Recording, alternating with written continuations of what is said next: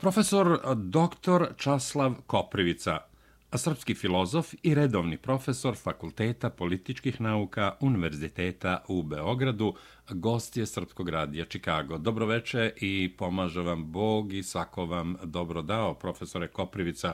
Dakle, dobrodošli na talase Srpskog radija Čikago ponovo. Dobro večer, gospodine Ravas i Bog pomogao. Drago mi je što se ponovo nalazimo evo, preko ove okeanske daljine.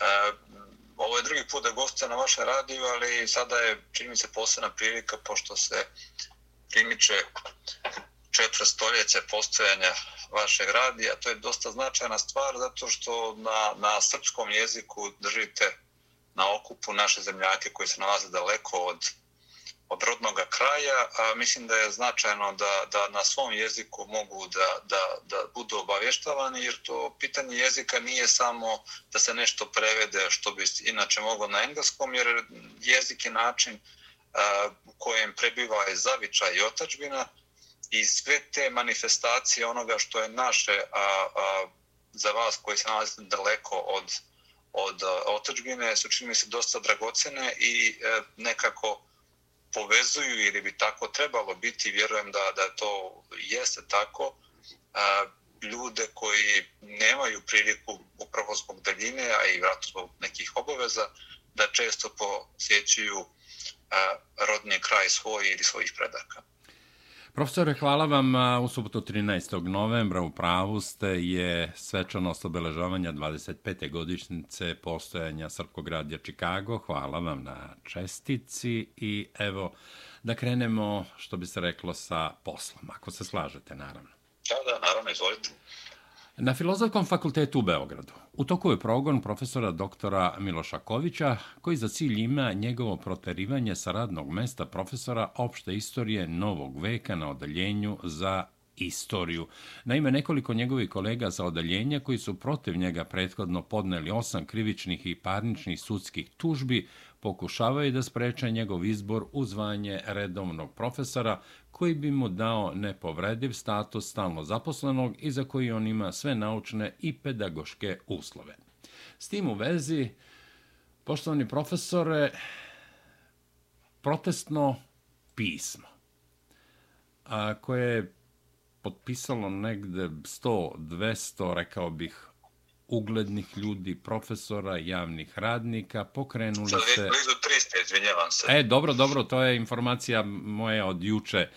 Dakle, pokretači su profesor doktor, doktor Časlav Koprivica, dakle vi, profesor Emir Kusturica, reditelj, profesor doktor Slobodan Antonić, profesor doktor Slobodan Vladušić, profesor doktor Srđan Šljukić i profesor doktor Darko Đogo, proto Jerej Stavrofor, protestno pismo potpisao sam i ja. Pa izvolite, molim vas za komentar, šta se, šta se to dešava na Filozofskom fakultetu u Beogradu?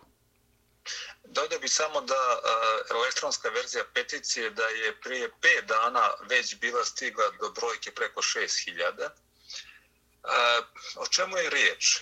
Nije prvi put na Beogradskom univerzitetu da eh, kolege shvataju instituciju kao nekakvu, nekakav privatni plin gdje mogu da se ponašaju u skladu sa ličnim nahođenjem, a ne a, u skladu sa onim što se očekuje na mjestu koje iziskuje neprivatno ponašanje, pošto je institucija, pogotovo takva javna institucija, nešto što treba da služi opštem dobru, a ne privatnim interesima ili projekcijama ili idiosinkrazijama čemu već ne.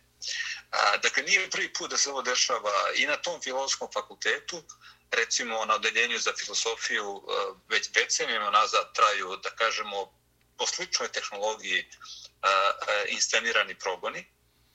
A, ono što je novina ovoga puta jeste, zapravo nije ni novina, zato što prije pet godina kada je kolega Ković a, se bio biran u zvanje vanrednog profesora, bio je a, a, izveden prvi pokušaj njegovog a, ili otežavanja izbora ili eventualno udaljavanja sa fakulteta od strane prilike istih ovih ljudi. Sada, međutim, e, stvari je uveliko eskalirala zato što umeđu vremenu je četvoro kolega sa isto, Djenja za istoriju Dakle, to sta imena treba pomenuti. E, to su profesori Nikola Samadžić, Dobraka Stojanović, Radoš Ljušić i e, e, Vlada Stanković. Oni su podnijeli po jednu krivičnu prijavu, odnosno pokrenuli parnicu privatno protiv e, Miloša Kovića, što je dosta neobičajeno u našem akademskom svijetu i svjedoči da kažemo o krajnjem o krajnjoj zaoštrenosti odnosa, odnosno ambiciji tih kolega da u obračunu sa Milošem Kovićem idu do kraja razlozi, odnosno izvorni povod za, za te obračune su bili mahom ideološke naravi, mada recimo to može znati budući da kolega Radoš Ljušić slovi da je patriotskih uverenja. Tako je, ja njeg, tamo negde ga imam u toj vizuri kao da je patriota srpski i tako dalje. Jeste, ali tu, prvo, pazi, tu sad postoje, možemo da govorimo o tome šta je patriotsko, šta nije u smislu da je različite varijante toga patriotizma mogu postojati, pa je očigledno tu kolega Ković i kolega Ljušić nisu imali, da kažemo, saglasno shvatanje. Ali ono što je tu problem jeste kada razliku u pogledima, bio da su oni ideološki, bio da su, da kažemo, uslovno kazano unutar patriotskog bloka, kada te razlike vi onda projektujete na lični plan i onda zlopotrebljavate instituciju na kojoj radite sa kolegom s kojim e, imate različite stavove da bi da biste e, pod plaštom institucije se s njim obračunali. Da, oprostite profesore, samo da dodam ako nećete zameriti, um, institucija patriotizma ili patriote se u svakom slučaju zloupotrebljava, jer čak i oni koji su, moram otvoreno da kažem, neprijatelji ili nisu bar prijatelji iz redova srpskog naroda, žive u Srbiji ili su u srpskom nacionalnom korpusu, uh, koji ne žele dobro Srbiji, da evo ne upotrebim teži izraz, i oni sebe proglašavaju nekakvim patriotama. Da, da, to je sad, e, da kažemo, posebna ekvilibristika koja, koja se pribjegava od 5. oktobra, kada su a, došli ljudi na fonu onoga, na talos onoga što je zapravo bio rad a, američki i britanski na promjeni režima Slobodana Miloševića i naravno nezadovoljstvo naroda zbog raznoraznih razloga. Ali ono što je tu važno jeste da je 5. oktobar se ne bi desio da, ne znam, zbog ekonomskih teškoća ili teškog života u Srbiji, već zato što su sile agresori 99. godine smatrala da posao nije završen i da ga mogu završiti samo ne više bombama i, i, i, i oružanom agresijom, već tako što će organizovati Srbe da, kažemo, sruše onaj režim koji je ipak ovaj, u sve njegove ozbiljne manjkovosti e, e, branio srpske nacionalne interese.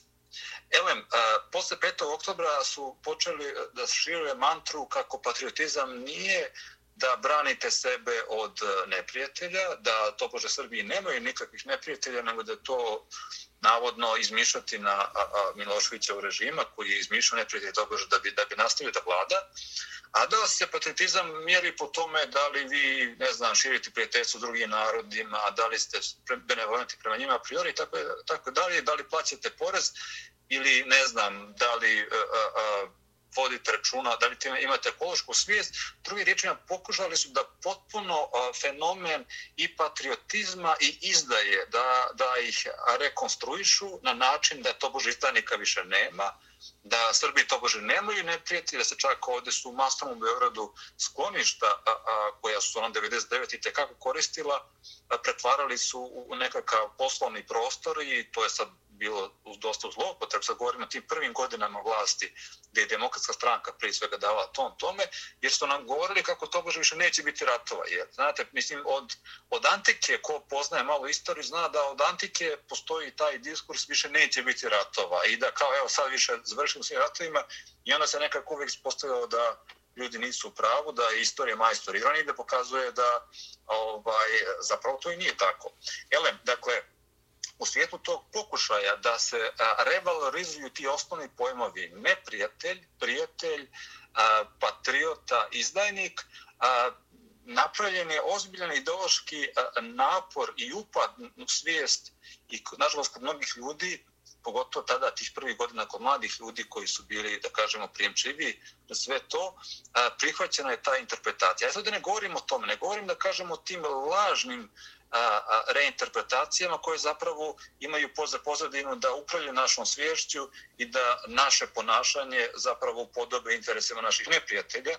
Jer, kako da kažem, znate, ako čovjek neki nema neprijatelje, onda je on potpuno nevažan ili je svetac, znate. Mislim, teško može samo reći za čita narod da, da je narod svetac, A, još manje se može reći za nas Srbe da smo kao narod nevažni i da smo na nevažnom položaju. Dakle, mi imamo i danas neprijatelje i to isto one neprijatelje prije svega koji, koji su nam bili, a, koji su pucali na nas 99. godine, oni svojih ciljeva nisu odustali, tako da u tom svijetu treba posmatrati i, i ove naš, naše unutar a, a, srpske a intelektualne međusobice, zato što prosto imate, recimo, kolega Samarić je promijenio stranu. On je nekada bio, a, inače, sin velikog našeg istoričara Radovana Samarića, on je nekada bio na patriotskim pozicijama i onda iz razloga koje je, prepostavljam, on bolje mogao da objasni, došao je do promjene uh, stanovišta i to je sad jedan, da kažemo, interesantan uh, moment a, e, čak na nivou uh, istorije povijestivne svijesti, znate.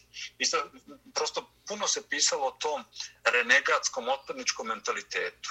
Onaj ko a, je izdao, obično smatra najvećim protivnicima one ljude koji svjedoče njegov izjav. Iz, pardon, izdaju. I da. kao što se to često dešavalo sa, recimo, našim muhamedancima, kojima su onda postojali neprijatelji, njihovi rođaci koji nisu promijenili vjeru, tako imate tu situaciju ponekad i u, i u e, interpersonalnim odnosima, dakle odnosi između, između dvije osobe. Dakle, zna se, kolega Ković i Samarđi se dugo poznaju, zaista i da kaže poznaju se iz tih vremena i onda je odjednom je kolega Samarđi postao nešto drugo, kolega Ković nije i ko je onda tu, da kažem, poznati navoda kriv, pa onaj koji je svjedok svjedok mog, mog otpadništa.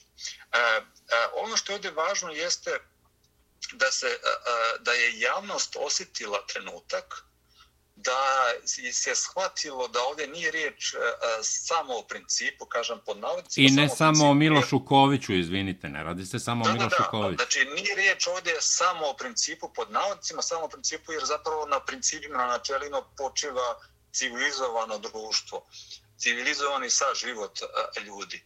Već je riječ o tome da ako ovo prođe ovoga puta, to neće biti, nažalost, samo još jedan primjer zloupotrebe institucija za lične obračune. Posljednići posljednje godina čak troje kolega na odeljenju za istoriju, od kojih su svi inače bili u dobrim kolegijalnim odnosima sa Milošem Kovićem i koji su također imali sve uslove koji su bili neophodni da ostanu u tim zvanjima ili da čak idu viša zvanja.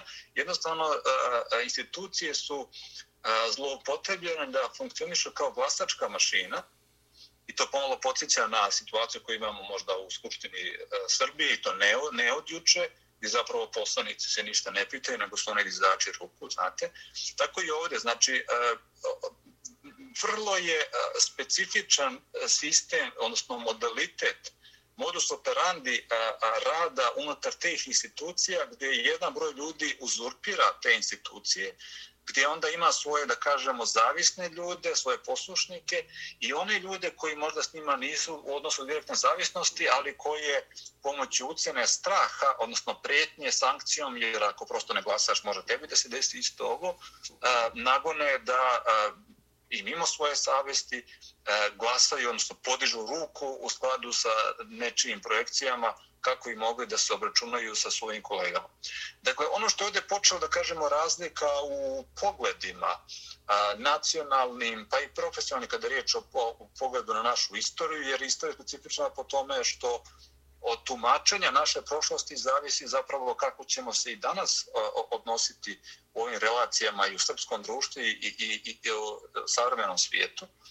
Dakle, nešto to je počelo, kao da kažemo, sasvim razumljiva i prirodna i normalna razlika u a, a, pogledima po svetonazoru. Kod nas je, zato što eto, neki ljudi dalje ne shvataju da su razlike u pogledima legitimne, prešlo u lični obračun, tako da je to došlo do faze kranje zaoštrenosti, način da, bez obzira to, znate, ko oni govore sad, ne znam, ko već ima uslove, nema uslove i tako dalje, e, svakako je indikativno da, da e, u proceduri na filozofskom fakultetu je bio e, e ustanovljen pokušaj da na jednoj instanciji gdje je srećan kolega Ković ovaj, dobio većinu glasova svojih kolega, da se prikriju relevantni podaci o njegovom radu i o kvantifikaciji njegovih naučnih rezultata u posljednjih pet godina. Što znači da oni vjerojatno znaju da, da ovaj tu stvar čista i da ovdje uopšte nije riječ o tome e, o, o, o akademskom nivou, odnosno o akademskoj temi, već se to koristi da bi se a, po ideološkoj, e, nacionalnoj i na kraju krajeva ličnoj netrpeljivosti e, izvrši obračun sa e, jednim istaknutim našim istoričarem, profesorom i ne na posljednjem mjestu javnim radnikom. Milošković je predsjednik pokreta za obrnu Kosova i Metohije i prije što je taj pokret osnovan, nas nekolicina je, da kažemo, tu davala tom, tom nekakvoj akciji čija je svrha bila da se predupredi pokušaj otuđenja, trajnog otuđenja naše južne pokrajine u vidu nekakva razgraničenja, potpisivanja sporazuma i tako dalje sa, sa pobunjenim Albancima.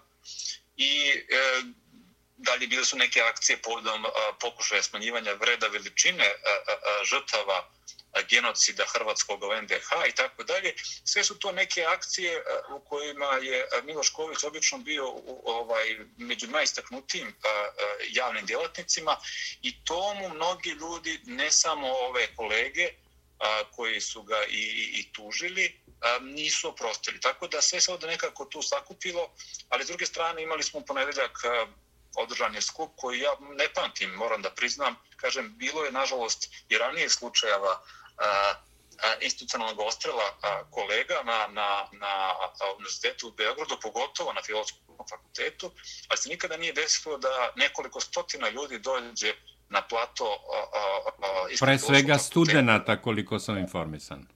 Jeste, bilo je tu i kolega i da kažemo pod nacionalno navoda zabrinuti građana, ali prije svega su to bili studenti i kažem to je nezabilježeno ovdje našim ustavima što govori s jedne strane o, o tome da je ovo događaj ipak bez presedana, s druge strane o ugledu kolege Kovića i o nekakvom rastu a, a, a, jačanju građanske svijesti o tome da a, E, progon e, nevinih i pritom zaslužnih ljudi i častnih ljudi je nešto što se tiče svih nas, jer ako danas budemo gledali da progone jednoga od nas, to može se desiti bilo kome e, među nama.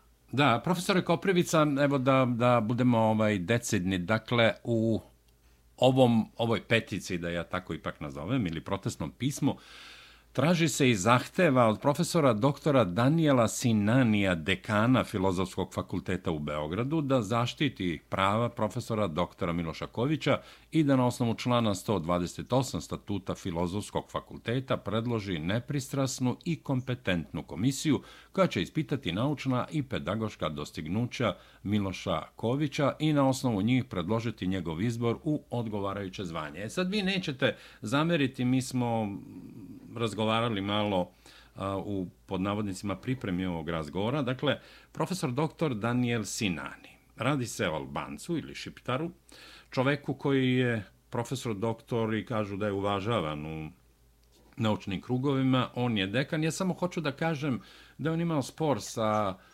Milomirom Marićem sa televizije Happy. On je i tužio Milomira Marića jer je Milomir Marić saopštio, evo, ja ću samo citirati i ne, neću ovaj, da vas uh, pitam za bilo kakav komentar, ja ću samo da konstatujem. A, a šta konstatujem? Širinu, dušu i srpskog naroda, i Srbije, i Beograda, jer Srbin ne može biti dekan na nekom fakultetu u Tirani, a pogotovo a, pod navodnicima takozvanim fakultetima u takozvanoj državi Kosovo. Dakle, samo konstatujem, a, jer je Milomir Marić u jutarnjem programu Dobro jutro Srbiju 2019. izvređao profesora Daniela Sinanija, rekavši da predaje albanski jezik, pa da je profesor Roka Mandoljine i tako dalje i tako dalje. Dakle, ja samo hoću da konstatujem da Profesor dr. Sinani je dekan u Beogradu na Filozofskom fakultetu i naravno mi imamo mnogo prijatelja koji nisu Srbi, jer su mnogi Srbi veći neprijatelji pod navodnicima Srbiji nego što mogu biti ljudi koji nisu Srbi. Tako da samo konstatujem da ta širina, ta naša dobrodušnost prosto, evo, dozvoljava i da jedan Albanac bude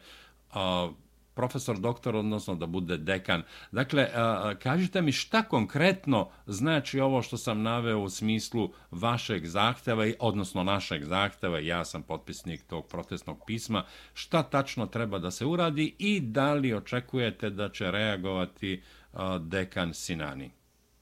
U pozitivnom Evo, smislu i po Ja moram da priznam da, znači ja kolegu Sinanija ne poznajem, nisam ga nikada vidio, nije mi poznat njegov rad, tako da ovo što vi kažete da je uvažen ili nije uvažen, ja to vam prosto ne mogu donositi. Tako sud. pišu, naravno, tako pišu i to je uvek e, ovaj... A znate kako, ima tu još jedna stvar koja, e, nažalost, nije uvijek, pošto sam radim na univerzitetu, nije uvijek a, a, okolnost da je neko na nekom mjestu, to sad ne govorim da bih da bih ovaj diskvalifikovao kolegu Sinanije, nego to mogu da kažem da, da, da nije pojedinačan slučaj, da imate ljude koji prosto se nalaze na nekim odgovarajućim mjestima, odnosno i biti profesor je, je velika čast sportskog univerziteta, a da ne zaslužuju uvijek da budu na, na, na tom mjestu. Ali kažem, u ovom slučaju ne mogu da se, da se ovaj, izjašnjavam o tome, jer pravim nije, nije mi poznato šta je on uopšte uradio u nauci. Uh, pominjanje Milomira Marića, moram kažem da to je jedna odiozna osoba i da, a, kako da,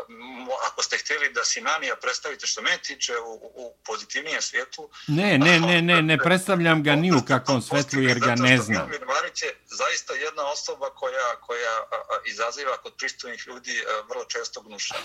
da, da, izvinite, ovaj, ja sam samo ali, hteo da konstatujem ono što je naša suština srpskog naroda, Srbije, Beograda i naravno svih ovaj pripadnika srpskog korpusa širom sveta. Dakle, ta jedna širina duše koja prihvata čak i one koji su osvedočeni zlikovci i neprijatelji, nažalost. Ta naša širina nekad ide u, u, u, u beskraj ludila i ne znam što. Ja ne mislim da je vrlina prihvatati dušmanina ovaj, raširenih ruku. To je ozbiljna slabost. Tako je. Tako to je nešto što karakteriše nas često i, i, i pojedinačno i kolektivno. Ja sad ovo ne govorim da bih stavio u taj kontekst Danila Sinanija zbog njegove nacionalnosti, ali samo kažem da ne bi trebalo da umjesto pokušamo da ispravimo tu ovaj tu manjkavost, ne bi trebalo time da se dičimo. Ali kada je reč ovdje sad konkretno o ovom slučaju, odnosno pozivu dekanu filozofskog fakulteta, da sad ni, da stvar depersonalizujemo, nije riječ tome kako se zove taj dekan, Jer sutra može biti neko drugi dekan, apsolutno ne. Može biti neko drugi i uh, ono što je tu važno jeste da zbog uh, ozbiljno poremećenih uh, međuljudskih, kako se to govori socijalizmu, odnosno međukolegijalnih odnosa ili interpersonalnih odnosa na zemlju za istoriju, tamo po svojoj prilici nema načina da se formira ne, nepristrasna komisija za kolegu Miloša Kovića ako bi se odlučivalo samo da kažemo glasovima članova tog odeljenja iz razloga što jedan broj ljudi prosto tamo ima, da kažemo, institucionalnu prevagu. Tako da neformalnim sredstvima pritiska drže, da kažemo, jednu vrstu većine, odnosno glasačke mašine koja može da izglasa bilo šta što, da kažemo, tim ljudima padne na pamet. E, zašto je ovdje važan, važan, važno obraćanje dekanu filozofskog fakulteta? Važno je iz razloga što kada nije moguće, da kažemo, normalnim putem, iako je institu, da kažemo, sva pravila predviđaju da upravo nadležno odeljenje je to koje treba da predloži komisiju i tako dalje, ali se je pretpostavka toga da se to radi bona fide, odnosno da to kolegi prema svom kolegi rade u najbolje namjeri. Ovdje, međutim, zbog odnosa snaga na jednu za istoriju, vi možemo samo da postavimo da će namera biti najgora. E, pošto je to tako i pošto je kadrovska komisija Filozofskog fakulteta, to je da kažem jedna instancija koja stoji između odeljenja za istoriju i nastavno naučnog vijeća Filozofskog fakulteta, pošto je ona zaustavila ovu inicijativu, odnosno predlog da se kolega Ković bira u zvanje E, e, vanrednog profesora, odnosno da se ponovo bira u isto zvanje, jako ima uslove e, na osnovu onoga što radi prethodnih pet godina za izbor u više zvanje i to na osnovu, da kažemo, po svojoj prilici samovolje jednog od kolega koji je, odnosno kolega Samarđića, koji je, da kažemo, objektivno sukup interesa kada je riječ o ovom postupku, postupku izbora, odnosno reizbora kolege Kovića, zato što ga je tužio, jeli, privatno.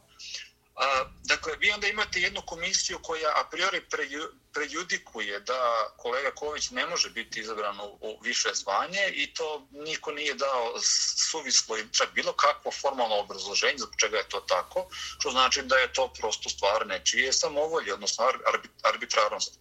E, u takvim okolnostima, kada je i da kažemo ostatak kolektiva filozofskog fakulteta prepoznao da je tu u pitanju ne, nešto što nije čisto, onda a, je a, dužnost dekana koji je prema zakonu zadužen za, za poštovanje zakonitosti, da ukoliko a, nadležna, a, a, odnosno matična akademska jedinica, u ovom slučaju nje za istoriju, ne može na, na a, a, da kažemo, na nepristrasan a, način e, tako što će skinuti sve sumnje u pogledu e, adekvatnosti postupanja svih uključenih aktera da to sprovede onako kako bi trebalo, onda, e, da kažemo, intervencijom sa vrha, odnosno dekan je dužan da se postara da ono što na dnevnu istoriju ne može se obaviti kako treba, se ipak obavi u krajnjoj liniji, jer to mora da se desi zato što prosto kolegi Koviću tamo polovinom narodne godine ističe rok na koji je biran u zvanje varnog profesora i do tada, dakle, taj postupak mora biti obojen. Ako to nije moguće na uobičajen način, tada postoji, dakle, također to predviđeno kao zakonska mogućnost da onaj koji je zadužen za brigu o zakonitosti, a to je po službenom dužnosti dekan, da on uh, izabere onu komisiju koja će biti nepristrasna, koja će biti, kompetentna, koja će biti kompetentna i, a, i koja će odlučiti o tome e, kakav je, a, kakav je akademski učinak kolege Ković na, u posljednjih pet godina bez prethodne odluke o tome da on ne, recimo ne smije biti redovani profesor zato što je to a, privatna samovolja nekoga od njegovih kolega sa odljenja za istoriju. Da, možemo li zaključiti ovaj deo razgovora o profesoru doktoru Milošu Koviću, prijatelju iz Srpkog radija Čikago i Srpkog naroda u Čikagu i okolini u Sjedinjenim američkim državama, jer je zajedno sa profesorom doktorom Milom Lomparom bio i gost e, u studiju Srpkog radija Čikago, ali i gost Srba i Srpkog naroda, ali i srpskih prijatelja u Čikago i okolini i širom Sjedinjenih američkih država, da je Miloš Ković simbol, odnosno paradigma, evo ja pokušavam da, da nađem, neko je to lepo napisao, da je to vrh ledenog brega, mnogo čega što se događa u srpskoj akademskoj zajednici i čitavom društvu. Njegova sudbina, rezultat je dugogodišnje negativne selekcije, dakle, triumf loših džaka, amoralnih, beskarakternih, neoriginalnih citatologa koji nikakav doprinos ne daju nauci, odavno su dakle postala stvarnost ne samo u Srbiji, nego i širom prostora bivše Jugoslavije. Pa ja bih rekao da je e, slučaj kolege Kovića lakmus papir u dva smisla. Jedan je e, kako će u budućnosti ići izbori na srpskim univerzitetima, A drugi je pitanje da li e, će se dopustiti da se na nacionalnoj ustanovi par excellence, kakav je univerzitet, ljudi ostreljuju zbog toga, zbog svojih patriotskih uverenja. Pomenuli ste malo čas negativnu selekciju. Ono što je tu dosta važno, ona nije, prvo, sad naravno ne možemo da to univerzalizujemo i da kažemo da na univerzitetima u Srbiji rade samo loši ljaci i tako dalje, to bi zaista bilo preterano, ali s druge strane negativna selekcija čini mi se je e, možda se čak i više odrazila na, na moralni plan nego na akademski plan. Znate, imate ljude koji da. korektno rade svoj posao, Razumem, ali su spremni kada su u pitanju interesi ili, što je još gore, a to je prosto jedan, jedan stil rada koji se e, ponavlja decenijama nazad a to je da a, neki ljudi koji su u jakim institucijama, koji prosto su, ja, imaju više zvanje ili, ili su neformalno povezani, da a, koriste svoj neformalni uticaj za, za iznuđivanje glasova a, od svojih kolega koji nisu u poziciji da imaju tako čvrst institucionalni položaj. Znate, Miloš Ković nije a, a, odmeravao šta će da kaže, da li će reći ono što smatra da je istinito, ispravno, računajući da bi moglo da mu se desi ovo što mu sad dešava, da ga sačeka i kako se to kaže, na izboru, u zvanje i da ga onda pokušaju da ga ruše. Znate, imate ljude koji jednostavno smatraju da je sud, da, da, da, da je posljednja instancija, ajde da kažem, ako, ako ostavimo onoga svevišnja koji će na kraju svima nama suditi vlastita savjest, imate ljude koji prosto gledaju da, da mjere to šta rade i šta čine, da ne bi naškodili svoje budućnosti, jer postoje zlonamerni ljudi koji e, e, prate kako glasate i koji mogu da vam zbog toga da se osvete. Da, profesore Koprivica, hteo bih da malo prokomentarišete nešto što bih ja nazvao združenim udarom srbomrzaca. Naime, na sceni je horsko i sinhronizovano oglašavanje svih srbomrzaca, bošnjačkih ili hanđar divizija bivših eh, dece tih pripadnika hanđar divizije, albanskih ili šiptarskih, montenegrinskih, ustaško-hrvatskih. Dakle, radi se o žestokom srbomrzačkom udaru, onih koji sebe predstavljaju za građaniste i demokrate, koji bi da se obračunavaju sa pod navodnicima neupokojenim srpskim zlom. Poseta premijera Crne Gore, Zdravka Kirokapića, interesantna mi je u smislu vašeg, rekao bi kratkog komentara, ali srbomrsci ne miruju. Naime, ono što me frapiralo, to je izjava ovog Kurtija, Albin Kurti, premijer takozvane države Kosovo, optužuje vladu Srbije da preti za počinjanjem novog balkanskog rata ne bi li izvukla ustupke Zapada i ovaj pajac ili, ili ne znam kako da ga okarakterišem, a da ne povredim osjećanja slušalaca, rekao bih nešto drugo, tipa Quasimodo ili nije ni važno, kaže takav pajac e, e, čovek ili nečovek, Srbija je kao nacistička Nemačka, može izazvati treći balkanski rat.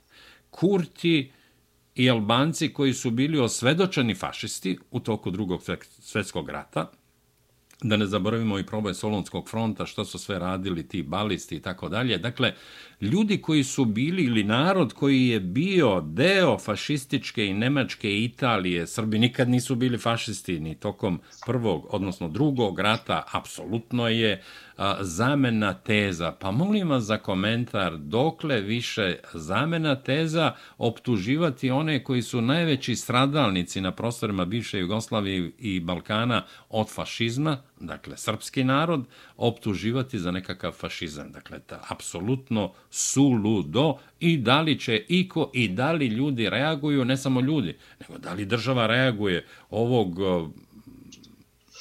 ne, ne znam kako da ga nazove, da ne, nema smisla. Pa to treba tužiti, ne znam.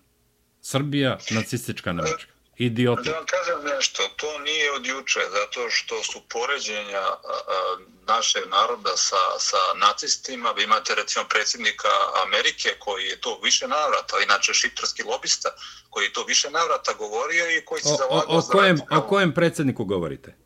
O, Biden. A dobro, njega komentarisati zaista, on čovek je u godinama prosto...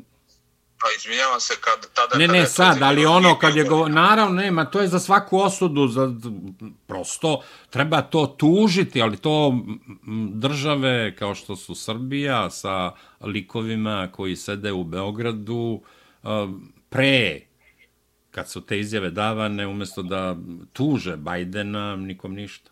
I to prolazi. E, pa dobro, ja sam malo skeptičan ovaj, koji bi bili izgledi da takva tužba protiv Bajdena tada ili sada protiv Kurtija bilo gdje na, na, na sudovima Zapada ima izgleda da prođe, zato što su mi imali prilike da vidimo kako to izgleda kada a, imate pristrastnu pravdu koja zapravo nije pravda. E, ja ne mislim da je to cijelishodno, ali s druge strane to je veoma indikativno za, za nekoliko stvari. Prvo, taj modalitet zaoštravanja odnosa na terenu, da bi se iznudili ustupci, to je ono što su radili šiptari konstantno od dolaska, da kažemo, trupa ujedinjenih nacija koje su, koje su zapravo bile de facto mahom trupe NATO pakta, odnosno trupe zemalja agresora. Tako je koji su onda i pomagale šiptarima da dovrše posao čišćenja i klanja i silovanja koji što su radili prvih, ne samo prvih meseci posle povlačenja naše, naše vojske policije iz Južne Srpske pokrajine. Dakle, e, Zapad je više puta znao da po znaci navoda pribine jednom, jednom ciničnom argumentu, a to je da a, moraju se šiptarima dati ustupci, jer ako a, a, se to ne bude učinilo, onda će oni napraviti ovaj a, a, nerede i onda će se stvari pogoršati. Tu stvari znači da se neko, ako se neko ponaša kao siveđe, vi morate stalno da mu popuštate. Jeli? A zapravo oni su sve vrijeme sve vrijeme o, radili u dogovoru sa, sa njima, tako da je to bila jedna vrsta zajedničke taktike. E sada, a, u ovoj situaciji kada je, ja sam ne znam koliko je, prosto nisam u prilici da procenim koliko je vjerodostojna bila a, a, prijetnja je mogućnost legitimne upotrebe sile, odnosno upotrebe oružanih snaga Republike Srbije na Kosovo i Metohiji kada su bili ovi posljednji izgredi, kada su šiptari postali svoju nelegalnu policiju da, da vatrenim oružjem a, a, provjerava kakvi se lijekovi prodaju u, u, u apotekama u Kosovoj Mitrovici, naravno jasno o čemu se radi, i onda su ga sve te zapadne zemlje podržale, znate. Zašto on po, po, pominje, poredi nas sa, sa nacistima? Oni jako dobro znaju kako stoje stvari, imate recimo sad izlazi neka knjiga, a, odnosno kao Felton, a, publicista njemačkog zove se Kinzel i onda vidite recimo kad su došli trupe Bundeswehra, dakle savremene njemačke, kada su došli u Albaniju tamo u predvečeri agresije, 99. godine da su ih da su djeca naučena da pozadili su ih ispružen rukom dakle kao u doba nacizma drugim riječima oni su se vratili na svoja fabrička podešavanja E sada, a, zašto je to važno? Zato što je samim Njemcima a, a, izuzetno značajno da a, a, nađu narod a, koji će pre, preuzeti baklju, štafetu onoga naroda koji je prokazan kao narod koji počinio genocid. Dakle, Njemci konstantno od početka 90. godina i nisu, nažalost, jedini, ali to je, da kažemo, tamo opšte mjesto, porede a, našu situaciju sa svojom situacijom 33. godine i da bi to bože mi trebalo da se pokajemo za sve ono što smo učinili, jer to što ne rade 90. godina, to je negdje slično to bože onome što su radili nacisti. Da, oprostite, da... oprostite ako dozvolite da, da samo dodam, optuživati srpski narod za neki fašizam, nacizam je potpuno suludo, kao da Nemci optuže jevreje za fašizam i za nacizam. Pa dobro, može tako da se kaže. Jeli? Ali jasno je o čemu se radi, zato što a, a, a, a, šiptari sa Kosova, pa i sa Albanije, iz Albanije ništa ne rade bez a, a, konsultacija sa relevantnim igračima na zapadu. I onda upravo preposledno i savjetuju ti stručnjaci za, za stratešku komunikaciju da a, u svojim izjavama potenciraju a, a, srpsku opasnost, da su to bože Srbi ti koji su remetilački geopolitički faktor na Balkanu, a zapravo oni govore to je taktika držte lopova, je li? Jer oni to stalno rade, oni stalno zaoštravaju, dovode stvari do pucanja, odnosno do upotrebe a, a, a sile, da bi on, bi onda zapad popustio. Sada je prvi put Srbija napravila nešto što, ja čak mislim, nije dovoljno bilo odlučno i jasno i smjelo, ali eto, krenule su makar do ove admitne linije sa Kosovo i Metohijom su se kretale naše trupe i to je onda već nekome na zapadu zasmetalo, znate. I sad imate jednu situaciju koja je dosta ozbiljna i u širem kontekstu, a to je ako pogledate zaoštravanje odnosa zapada sa Rusijom, pa imate problem Crnog mora, Ukrajine, Pribaltika i onda je da kažemo u toj jednoj velikoj šahovskoj tabli, da parafraziram, nekoga koji je bio svjedočeni e, protivnik ne samo Rusije, nego, nego, nego i Srba, to je Brežinski, u toj šahovskoj, e, e, šahovskoj ploči jugoistočna Evropa je jedno od tih neuralgičnih polja gdje velike sile igraju, da kažemo, svoju igru. A, Srbija sada jeste nešto ekonomski jače nego što je bilo pre nekih deseta godina, Srbija sada ima i nešto jače oružane snage nego što je imala prije u vrijeme kada su demokrate vladile koji su se sistemski da uništavaju naše oružane snage, a upravo na fonu onoga što je bila inercija 5. oktobra gdje su oni koji su doveli to opoziciju na vlast, e, njih instruisali zapravo da sve ono što je bila, da kažemo, zaloga našeg dostojnog otpora agresora 99. godine, da to sve bude E, uništeno, pa su i slani oficiri ovaj, u penziju prije vremena koji su vodili tu odbranu 99. godine i oružane snage su devastirane. Elem, Srbija sada u dosta boje situacije, ali to je onda razlog uh, da se na nju udari sa više strana, odnosno ne Srbi, samo Srbije, nego na Srbe, znate. Vi ste vidite, imate, spomenuli ste postupu krivog predsjednika Vacira. Da, voleo bih to da prokomentarišete. Ono što je tu dosta indikativno, jeste taj čovjek je veliko razočaranje, zato što je on bio izbor onih koji su, da kažemo, bili predvodnici e, tog te projave vjernog naroda, A zapravo ispostavio se da je čovjek ovaj, potpuno neautentičan predstavnik toga, da je on uh, potpuno, u, u, da kažemo, slizao se sa, sa određenim uh, NATO strukturama i da je njemu važnije mišljenje, uh, da kažemo, određenih utjecnih zemalja Zapada, koje nama nisu mislile i ne misle i dalje dobro, nego uh, stav onih ljudi koji su za njega glasali na izborima avgusta prošle godine. Ali ono što je tu važno jeste da uh, kažemo, stepen a, a, kampanje, pa ponekad i histerije koje se može čuti iz Hrvatske, iz Bosne i Hercegovine, iz određenih, da kažemo, antisrpskih krugova iz Crne Gore i naravno iz Kosova i Albanije, da ne preskočimo Albaniju, zato što je meni recimo nesvatljiva ova inicijativa koja zove takozvani otvoreni Balkan, odnosno a, pri toga mali Schengen, da Srbija pravi nekakve savezničke odnose, jer izvinjava se ako imate slobodan protok robe, kapitala i tako dalje između Albanije, Srbije i Makedonije. A Albanija je ta koja, koja se pojavljuje kao aneksioni hegemon koja hoće da su jedini sa našom južnom pokrajinom. Ja bih rekao da ta zemlja neprijatelj.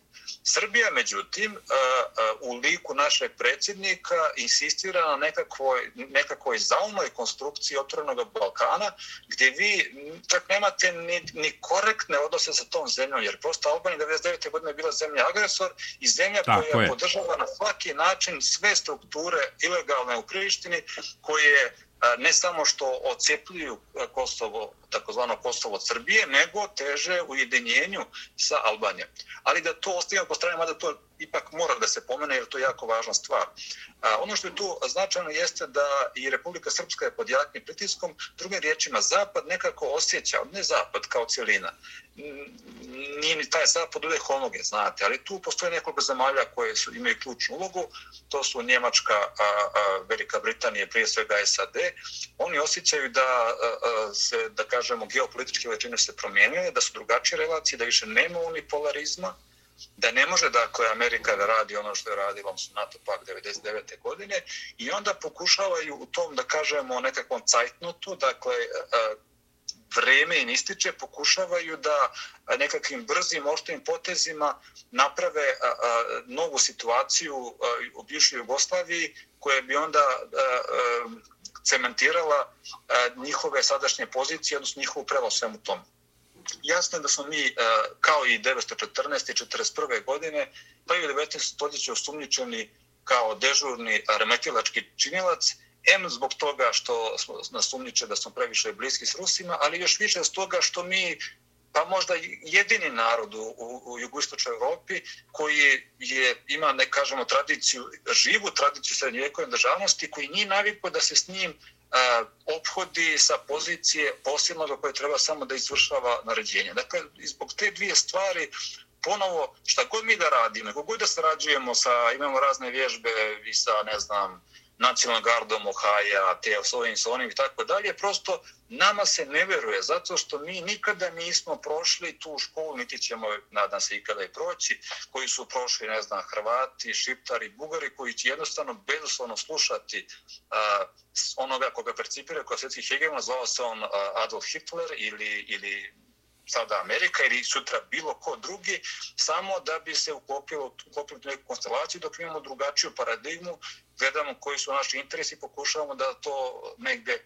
a, dovedemo u, u, u održiv spoj sa tekućim okolnostima, ali nažalost inercija od razbijanja Jugoslavije početkom 90. godina i dalje traje i dalje one snage koje su iz polja iznutra razbijale tu Jugoslaviju ne smatraju da je postao završen, tako da šta god Srbija da radi i šta god da Srbi rade, mi smo nekako a priori krivi. Pa onda, kada vidite tako, onda mislim da je bolje da mi gledamo da sebe što više zaštitimo, da se neću kažem da ignorišemo ove, ove demonske opslužbe za fašizam i tako dalje. Nažalost, mi smo to previše upustili u javnosti svjetskoj i onda je za mnoge ljude širom zapada postao opšte mjesto da su mi napravili to bož neki genocid, da smo mi opasan narod i tako dalje, tako dalje, jer naša, naša inteligencija i a, država odavde, pa ni dijaspora nije uvijek blagovremeno reagovala na način da se preduperi, da kažemo, puštanje korena tih klevetničkih mnjenja o nama širom zapada. To se nažalost desilo, ali ono što sad možemo uraditi jeste da prosto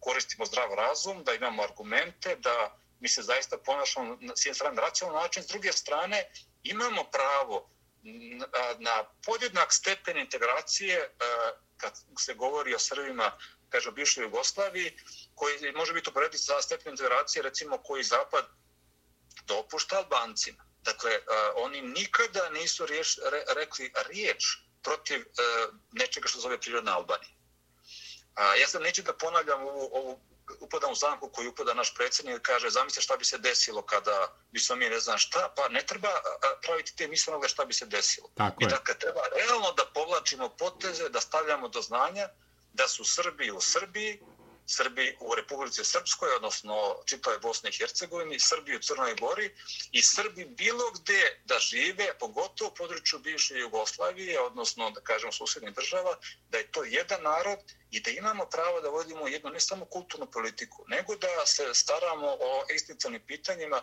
našeg naroda gde god on da živi, Pogotovo što uh, sada je mahom istinska živi u državama gdje, gdje, gdje mu je uh, lokalna vlast uh, mahom neprijateljski uh, nastrojena prema njemu. Evo i za kraj, pretpostavljam da mislite na srpski svet, bez obzira da li se zove srpski svet ili ne, nekako ne drugačije. Ne, to, mislim da je to, da je to pogrešna paradigma. To, e, ne znam ko to sam htio da prokomentarišete. Taj koji je, koji je to. Znate kako, Prvo, to je e, plagiranje onoga što je poteklo iz Rusije.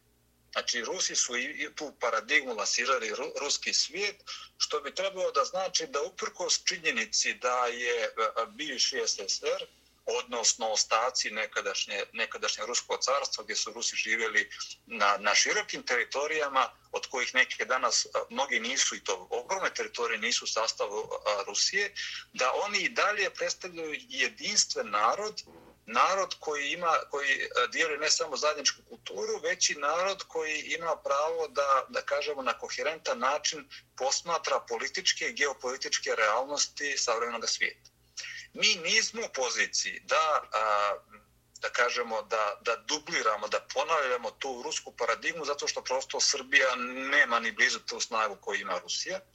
To je jedna stvar. A, druga stvar, a, mi to smo mogli i kao što smo radili, imali smo situaciju u 19. stoljeću kad su Srbi živjeli u više država, pa smo znali kako da vodimo jedinstvenu a, a, a, ne samo kulturnu politiku, nego kako da radimo na tome da sačuvamo a, doživljaj jednoga naroda ili da kažemo saosjećanja da ka, e, e, etničke empatije gdje god živeli. Dakle, mi imamo na što se pozovemo u toj tradiciji njegovanja srpskog jedinstva uprkos realnoj izdeljenosti koja je mnogo starija od ovoga što su Rusi lansirali prije nekoliko godina, pri čemu, kažem, mi nemamo ni blizu te resurse da to i, i, i informativno i kulturno i na kraju krajeva ako hoćete geopolitički podržimo kao oni, tako da mislim da ne treba da posežemo za za onom retorikom kojem ne, ne pristoji, koje još samo dodatno raspiruje bijes srbomrzaca i u bivšoj Jugoslaviji i neprijateljstvo, a, da kažemo, nama nesklonih činilaca na zapadu ova, i ne samo na zapadu, ne zaboravite, imate Tursku koja, koja je ozbiljno neprijatelj srpskog naroda, bila i ostala kao i Njemci, tako da, kažem, nema potrebe za tim jakim riječima, mnogo je bolje raditi nego tako pričati. Sintagma srpski svijet je, čini mi se, jedan autogol koji nam nije trebao. Dakle, onda da govorimo o srpskom jedinstvu ili saradnju. Da, srpskom jedinstvu, da, da, da. da. A, evo i za kraj, a, hteo bih da prokomentarišete situaciju u Crnoj Gori. Dakle, poseta Zdravka Kirokapića, mnogi kažu da je bila bezidejna, da nije imala svrhu, kada govorimo o odnosima Srbije i Crne Gore. Ne znam da li se razgovaralo o proteranom ambasadoru Vladimiru Božoviću, s tim što je ovaj Zdravko Kirokapić saopštio po povratku u Podgoricu da će Crna Gora prihvatiti bilo kog ambasadora koga pošalje Srbija. Ali šta mislite, da li će doći do održavanja popisa u Crnoj Gori? Da li će biti rekonstrukcije vlade Crne Gore? Da li će Demokratski front, odnosno srpski Eh, korpus, odnosno političari srpskog korpusa u Crnoj Gori ući u vladu i kako će se odvijati sve ono što donosi jednu nelagodu, donosi zaista jedan ovaj loš osjećaj u čoveku da da je narod i sve one veličanstvene litije, da je taj narod prevaren u Crnoj Gori i da se to ne menja, da im Milo i dalje jaše kao jedan od jehača apokalipse. E, pa, malo sam čas sam već spomenuo, gospodin Krivokapić je veliko razočaranje. Prvo iz razloga što su njegove prioriteti e,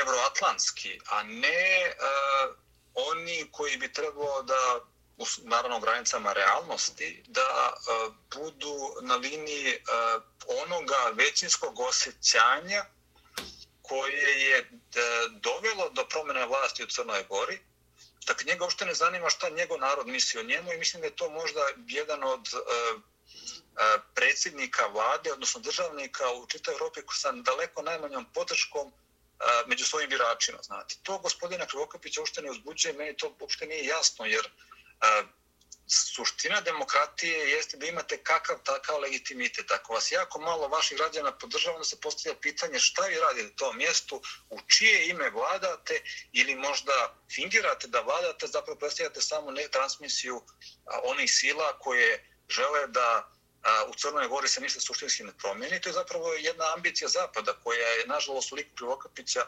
dobrim dijelom, neću reći do kraja, sprovedena u dijelo, a to je da se jedan kompromitovani, eh, kompromitovana figura, jedan kriminalac i opasan čovjek kakav Milo Đukanović, da se on skloni s vlasti, ali da se uh, instalira uh, poslije njega ekipa koja će e, možda na civilizovaniji način vladati ili neće praviti takve, takve, tak, takve nepodopštine kao Milo Đukanović i to ne možemo da kažemo do sada o vlad, mandat Krivokapiće vlade da su pravili nešto što je uporedivo sa, sa Đukanovićevim a, a, a, stilom vladanja, ali s druge strane da ostane netaknuto ono što je za Zapad jako važna stvar. To je Crna Gora je, pazite, ona jeste mala država.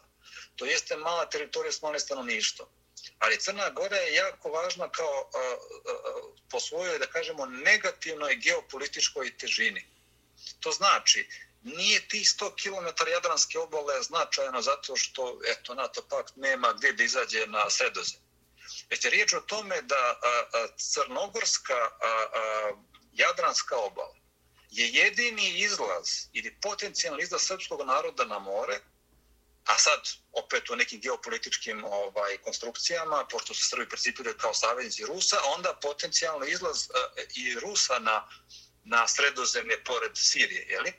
I onda iz tog razloga je zapadu jako važno da tamo ostane geopolitički status quo i to se nažalost e, e, dešava na način da gospodina Krivokapić, da on recimo ima sasvim korektne odnose sa takozvanom kosovskom vladom, da su oni stalno u nekakvim, e, e, e, nekakve čestitke šalju nekakvim osobama za koje u Prištini tvrde da su nekakvi funkcioneri, da su nekakvi državni službenici, iako je to se potpuno ilegalna struktura. Promjene u Crnoj Gori idu jako loše, jako, jako sporo idu, iz razloga recimo što postoji jedna vrsta sistemske obstrukcije. S jedne strane dijela opozicije, ne zaboravite, recimo imate među ovim vlada Crne Gore je uh, formirala je trojna koalicija, koalicija od tri koalicije. Ova koja najmanje uh, težinu ima, odnosno najmanje glasova, a nažalost je dobila najveći dio uh, udjela vlasti, to je URA. Oni su, da kažemo, bez nikakvog zazora uh, zagovornici nezavisne Crne Gore i tog evratonskog puta i slično stoje, slično stoje stvari sa, i sa Krivokapićem i onda ni, oni nemaju nikakav problem da a, mimo većinske volje a, i građana Crne Gore i pogotovo onih, dijelo, onih građana koji su njih doveli na vlast da povlače poteze koji nisu, koji nisu u skladu sa očekivanjem njihovih birača. U skladu s time možemo kažemo da je jedan od važnijih problema, odnosno dvije najvažnije stvari koje su bile stavljene kao zadatak, koje su očekivali od ove vlade, još uvijek a, a, su, a, kažemo, tek prestoji njihovo ostvarivanje i to je prilično neizvjesno. Jedna stvar je da se a, predupredi ono što je Milo Đukanović decenijema, dakle od 97. godine, kada je 16.000 birača upisao, pazite u maloj Crnoj Gori, 16.000 birača je upisao između prvog i drugog kruga predsjedničkih izbora, što je nečuveno zaista, kada je pokrao izbore predsjedničke, kada je postao predsjednik Crne Gore, u, ova, jako je pokojni Momer Gotović imao uvjerljivu prednost u prvom krugu, pa do a, ovih izbora 30. avgusta, koji su, pazite, takođe bili a, a, sumnije pogledu legitimnosti, jer je Zapad gledao da stvari podesi tako da samo od jednog poslanika zavisi kolika, a, a, da kažemo, koja će biti većina, odnosno promjena vlasti u Crnoj Gori, što onda znači da su oni zadržali način da preko ove ure koje je, da kažemo, e, izgledito euroatlantistički orijentisana, da odluči o tome kako, kako će se formirati vlast Crnoj Gori i da li će ova većina biti moguća. Jer u principu moguće je da i ta ura napravi koaliciju sa bivšom vlašću, odnosno se ponovo ovaj, Đukano isformira vladu. Iz tih razloga, dakle, ono što su dvije ključne stvari, to je da se preispitaju birački spiskovi koji su bili izvor sistemskih manipulacija, izbornih krađa na izborima u Crnoj Gori i pogotovo na referendum 2006. godine da se to iščisti. I druga stvar, da se ustanovi ko zapravo živi u Crnoj Gori kada je riječ o nacionalnoj pripadnosti. Crna Gora je jedina država u Evropi koja nema, a, a, a, a, da kažemo, apsolutno etničku većinu, pardon, na, nacionalno, jer zapravo takozvani nacionalni crnogorci nisu etnički crnogorci, crnogorci nisu, nisu nikakav etnos, to prosto kažem, ja sam rođen u Crnoj Gori i u nekom smislu zavičaj jesam crnogorac, ali nacionalno mogu biti samo ono što bili moji preti Srbi. Kao što su Srbi, suštini i svi oni a, a, savremeni crnogorci koji sebi tvrde da su nekakva pripada nekoj crnogorskoj nacionalnosti. Iz tih razloga, međutim, pošto su i na popisu 2011. godine pravljene ozbiljne malverzacije i krajnjoj liniji Đukanović imao projekat da a, drastično smanjuje broj Srba da bi u nekom trenutku prosto broj Srba u Crnoj Gori postao zanemarljiv. Očigledno je da je da su Litije a, tu tendenciju da su da, da kažemo ostavili nepovratno iza nas. Mislim da možemo prepostavimo i to je sad nešto što na čemu insistiraju da kažemo ove zapadne zemlje da a, a, a, ako je moguće one a, a, spriječe a, postavljanje javnim činjenicom da u Crnoj Gori ima mnogo više Srba nego što je stanovno na posljednjem popisu, jer pazite, u Crnoj Gori to možda vašim slušalcima u Americi i Kanadi može biti nejasno. U Crnoj Gori je sve bilo političko pitanje, pa i to kako ćete se izjasniti.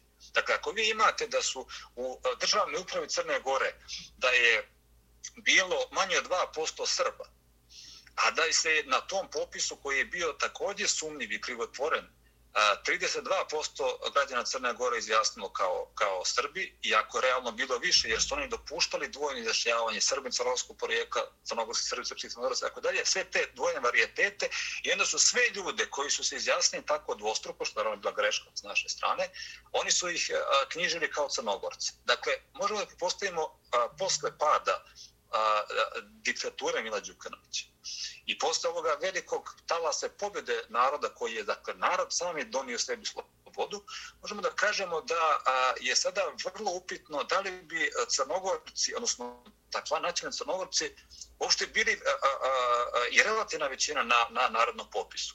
Zato je, čini mi se, a, a, se sprovodi obstrukcija a, onoga što je obaveza svake države, dakle to je da se obavi taj popis i zato čini mi se da to ni iza toga ne stoji samo, odnosno to nije volja eh, Zdrakli Okapića koji je krajnje nekompetentan za politiku i, i nije sklon da ima svoje mišljenje o važnim stvarima koji se tiču države Crne Gore, već je to nešto iza čega stoji Zapad, jer kažem, eh, objaviti da su recimo, ovo je naravno hipotetički jer mi nemamo to kao činjenicu, ali to je vrlo moguće da bi se desilo, svijet svega ono što, što čemu sam malo čas govorio, objaviti da su u Crnoj Gori i recimo Srbi relativna većina značilo bi da se onda postavi pitanje, a izvinjavam se, ko je izglasao nezavisnost Crne Gore, da li je taj popis, pardon, referendum bio regularan, a znamo da nije bio angažovan u pokretu zajedničku državu i znam što su radili uh, i Đukanović i njegovi uh, uh, pokrovitelji iz Evropske unije da se dođe do tog procenta, iako je, je i tada čak, mislim, relativna, odnosno apsolutna većina bila protiv ocepljenja Crne Gore. Dakle, u takvoj situaciji bi se onda postalo pitanje čija je Crna Gora, a, ko je nju izglasao i eventualno u neko dogodno vrijeme da se preispita državno-pravni status Crne Gore. To je nešto naravno što Zapad ne bi volio jer bi onda ono što je da kažemo njegov veliki dobitak jer jedan veliki dobitak iz procesa razbijenja Jugoslavije, to je da Srbi budu odsječeni, izlaza na more, time bi, da kažemo, bio a, a, ovaj, a, a, preispitivan uz mogućnost da se eventualno dođe do, do a, ponovo državnog jedinstva, na neki način državnog jedinstva Srbije i Crne Gore. Profesore Koprivica, izvolite, izvolite. Ne, ne, ne, to je to, to nis, nisam ništa imao. O, da, nije ni, bila je neka mala smetnja. A, hvala vam što ste odvojili vaše vreme i govorili za Srpski radio Čikago. Naravno, posebno hvala na čestitkama povodom 25. godišnjice Srpskog radio Čikago. Hvala vama na pozivu. A, pozdravite profesora Kovića, ja se i čuti sa njim i, i nadam se i uveren sam da će to sve biti dobro kada je on u pitanju. Hoću, vama, vama još... Sve najbolje vama i vašim slušalcima. Hvala, vama još jednom hvala što ste odvojili vreme i govorili za Srpski radio Čikago, poštovani slušalci i naši pratioci na YouTube kanalu Srpskog radija Čikago.